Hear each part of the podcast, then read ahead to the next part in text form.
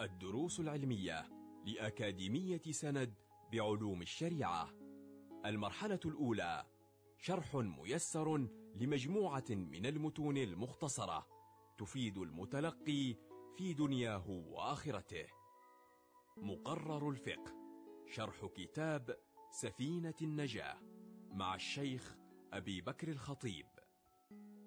بسم الله الرحمن الرحيم الحمد لله رب العالمين وبه نستعين على أمور الدنيا والدين وصلى الله على سيدنا محمد وعلى آله وأصحابه ومن تبعهم بإحسان إلى يوم الدين أما بعد قال المؤلف رحمه الله تعالى فصل الذي يلزم للميت أربع خصال غسله وتكفينه والصلاة عليه ودفنه في هذا الفصل وما يأتي بعده يتحدث الشيخ عن ما أوجبه الله عز وجل على المسلمين إذا مات ميتهم وهي أربعة أشياء غسله وتكفينه والصلاة عليه ودفنه وكذلك أيضا حمله إلى القبر. هذا أيضا من الأمور التي تلزم وهي فروض كفاية أي إذا قام بها البعض سقط الإثم عن الباقين ويختص الأجر والثواب بمن قام بهذه الأعمال وهذه الفروض التي فرضها الله سبحانه وتعالى.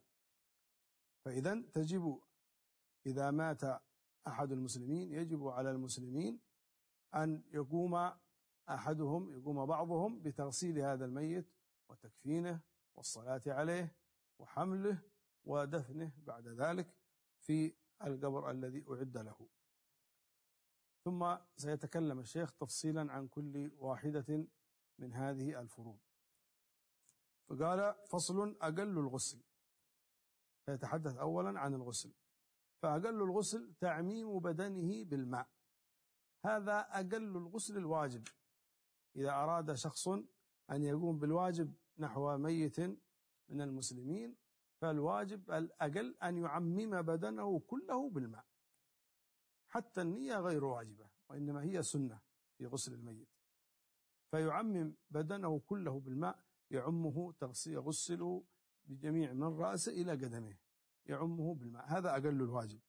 وأما أكمله أكمله أن يغسل سوأتيه وذلك بعد أن يمر بيده على بطن الميت مع تحامل يسير لكي يخرج ما تبقى من بطنه إذا كان هناك شيء.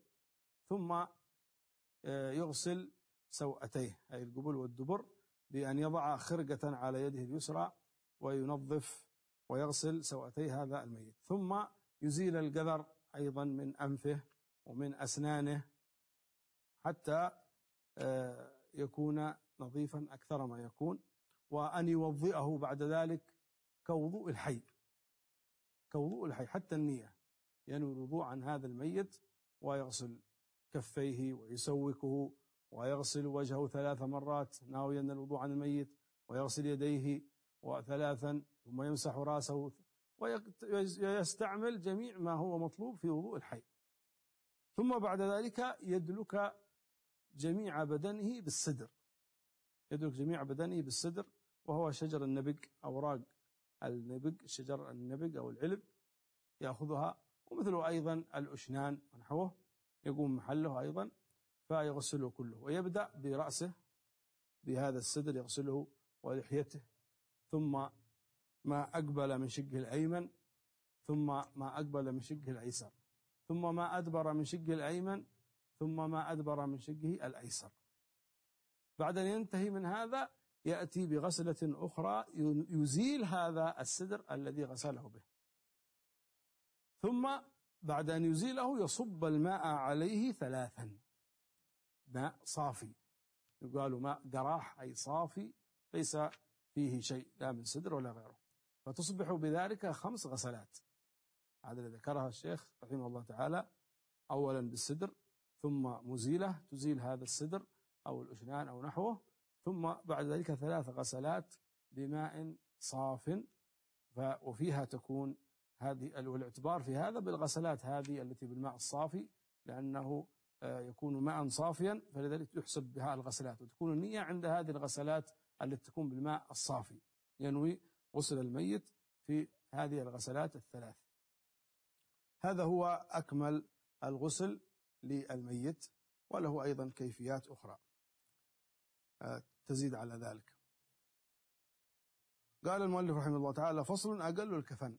بعد أن ذكر غسل الميت سيذكر الآن تكفينه. فأقل الكفن ثوب يعمه.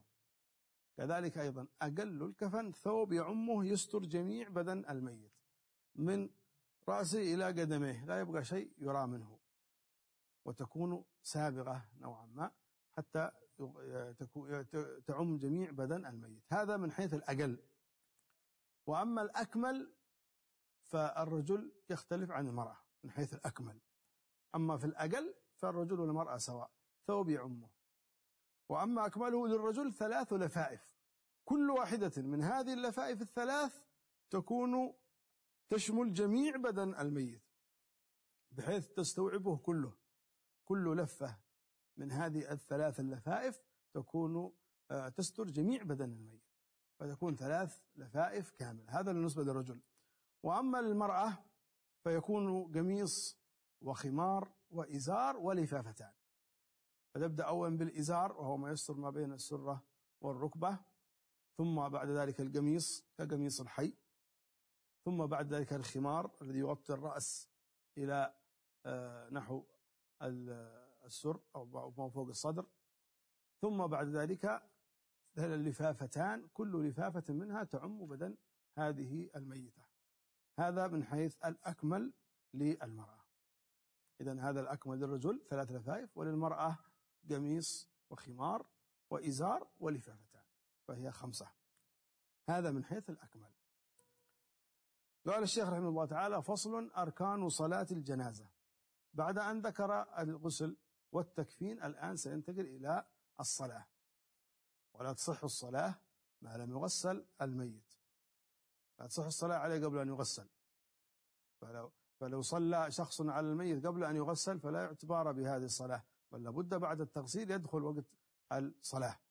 وأما بالنسبة للتكفين فالأولى أن يكون أن تكون الصلاة بعد التكفين الأفضل.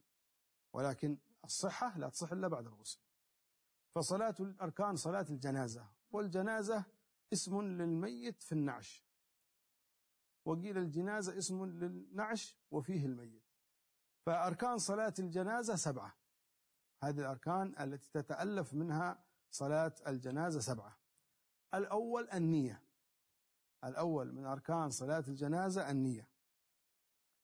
كأن يقول مثلا أصلي على هذا الميت. لابد من التعيين على هذا الميت. أو إن كان مثلا مأموما أصلي على من صلى عليه الإمام. أو على هذا الميت. فينوي على هذا الميت أو على من صلى عليه الإمام فرض كفاية. ولا بد من تعيين ذكر الفرضية. إن قال فرض كفاية فهو صحيح وإن قال فرضا ولم يذكر كفاية فهي صحيحة أيضا. وصلي على هذا الميت أو على من صحت عليه أو على من صلى عليه الإمام فرض كفاية مأموما الله أكبر. هذا النية لابد منها وهي مقترنة بتكبيرة الإحرام. ولهذا الثاني أربع تكبيرات. الركن الثاني من أركان صلاة الجنازة أربع تكبيرات. الأولى التي هي تكبيرة الإحرام ثم ثلاث. لو زاد على الأربع كان صحيحا لا تبطل الصلاة به ولكن أن ينقص عليها فلا. أربع تكبيرات. الثالث من أركان صلاة الجنازة القيام على القادر لأنها فرض. إلا أنها فرض كفاية إذا قام بها البعض سقط الإثم عن الباقيين ولكنها فرض فلا بد أن يصليها وهو, وهو قائم. إلا إذا عجز إذا عجز فيصلي كحكم صلاة الفرض. لم يستطع قائما صلى جالسا لم يستطع جالسا صلى مضطجعا كما تمت الإشارة له في الصلوات المفروضة. أما من قدر فلا يكفيه إلا أن يصلي وهو قائم. الرابع قراءة الفاتحة. الرابع من أركان صلاة الجنازة قراءة الفاتحة. وقراءة الفاتحة في صلاة الجنازة الأولى أن تكون بعد التكبيرة الأولى. ولكن لو أخرها بعد الثاني أو الثالث كان صحيحا إلا أن الأفضل أن تكون بعد التكبيرة الأولى مباشرة. الخامس من أركان صلاة الجنازة الصلاة على النبي صلى الله عليه وآله وصحبه وسلم بعد الثانية. وأقلها اللهم صل على محمد. ولكن بعد التكبيرة الثانية فلو صلى على النبي صلى الله عليه وسلم بعد تكبيرة الأولى لم تكفه بل لابد أن يصلي على النبي صلى الله عليه وسلم بعد التكبيرة الثانية. السادس من أركان صلاة الجنازة الدعاء للميت بعد الثالثة. وأقل الدعاء للميت اللهم ارحمه. اللهم اغفر له. وحتى وإن كان طفلا. فهذا أيضا ينبغي بل يجب أن يدعو له بنحو اللهم اغفر له أو اللهم ارحمه. والأولى أن يأتي بالدعاء الوارد عن النبي صلى الله عليه وآله وسلم اللهم اغفر لحينا وميتنا وشاهدنا وغائبنا وصغيرنا وكبيرنا وذكرنا وانثانا. اللهم من أحييت منا فحي على الإسلام ومن توفيت فتوفى على الإيمان. كذلك أيضا آه، يأتي بالدعاء الآخر كما هي واردة عن الحبيب صلى الله عليه وآله وصحبه وسلم. فهذه من الأدعية لكن الواجب الأقل أن يأتي بالدعاء بأقل الدعاء ولو اللهم ارحمه مثلا. وسواء كان الميت ذكرا أو أنثى فيمكن أن يقول اللهم اغفر له أو اللهم اغفر لها. فلو كان الميت ذكرا وقال اللهم اغفر له أو قال اللهم اغفر لها أي هذه النسمة. وإن كان الميت أنثى وقال اللهم اغفر له أي هذا الميت سواء كان ذكرا أو أنثى. فلا إشكال في ذلك سواء كان الله قال اللهم اغفر له أو قال اللهم اغفر لها. هذا الدعاء. إلا أنه يشترط أن يكون هذا الدعاء بعد التكبيرة الثالثة. فلو أتى بعد الأولى أو بعد الثانية لا يكفي بل لابد أن يكون بعد التكبيرة الثالثة. الركن السابع من أركان صلاة الجنازة السلام وأقله السلام عليكم. والأكمل السلام عليكم ورحمة الله. وقال بعض العلماء أيضا يسن وبركاته. هذه هي أركان صلاة الجنازة. ولهذا لو أراد شخص أن يختصر أو يقتصر على الأركان فقط لأن بعد التكبير الرابعة لا يجب شيء. أقول مثلا أصلي على هذا الميت أو أصلي على من صلى عليه إمام فرض كفاية مأموما الله أكبر. يشرع في الفاتحة. أعوذ بالله من الشيطان الرجيم. بسم الله الرحمن الرحيم. إلى آخر الفاتحة. الله أكبر. اللهم صل على محمد وعلى اللهم صل على سيدنا محمد. بعد التكبيرة الثانية. اللهم صل على سيدنا محمد وعلى آل سيدنا محمد. الله أكبر. اللهم اغفر له. اللهم ارحمه. الله أكبر. السلام عليكم ورحمة الله. السلام عليكم ورحمة الله. لو صلى هكذا صلاة الجنازة فصلاته صحيحة. إلا أنه سن أن يأتي بالصلاة الإبراهيمية في الصلاة على النبي صلل الله عليه وسلم والدعاء يدعو للميت بإخلاص وبعد التكبيرة الرابعة يسن أيضا أن يدعو للميت وأن يأتي بآية الذين يحملون العرش ومن حوله يسبحون بحمد ربهم إلى آخرها. هذا أيضا مما يطلب في الصلاة على الميت. هذه أركان الجنازة أركان صلاة الجنازة التي أشار إليها الشيخ نسأل الله سبحانه وتعالى أن يتوب علينا توبة نصوحة يزكينا بها جسما وقلبا وروحا إنه أكرم الأكرمين وأرحم الراحمين وصلى الله على سيدنا محمد وعلى آله وصحبه وسلم والحمد لله رب العالمين. كنتم مع الدروس العلمية لأكاديمية سند بعلوم الشريعة. يمكنكم متابعة جميع الدروس عبر موقع الأكاديمية وتطبيقاتها الإلكترونية. سند علم سلوك دعوة.